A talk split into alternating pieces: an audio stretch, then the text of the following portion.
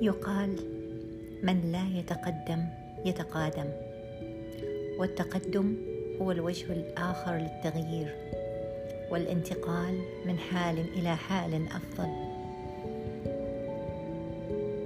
لن تستطيع قيادة سيارة من طراز 1980 وأنت في 2020 إلا في حالة واحدة أن تقوم بالتعديل عليها تطويرها لتتناسب مع الوضع الحالي ومع متطلبات العصر.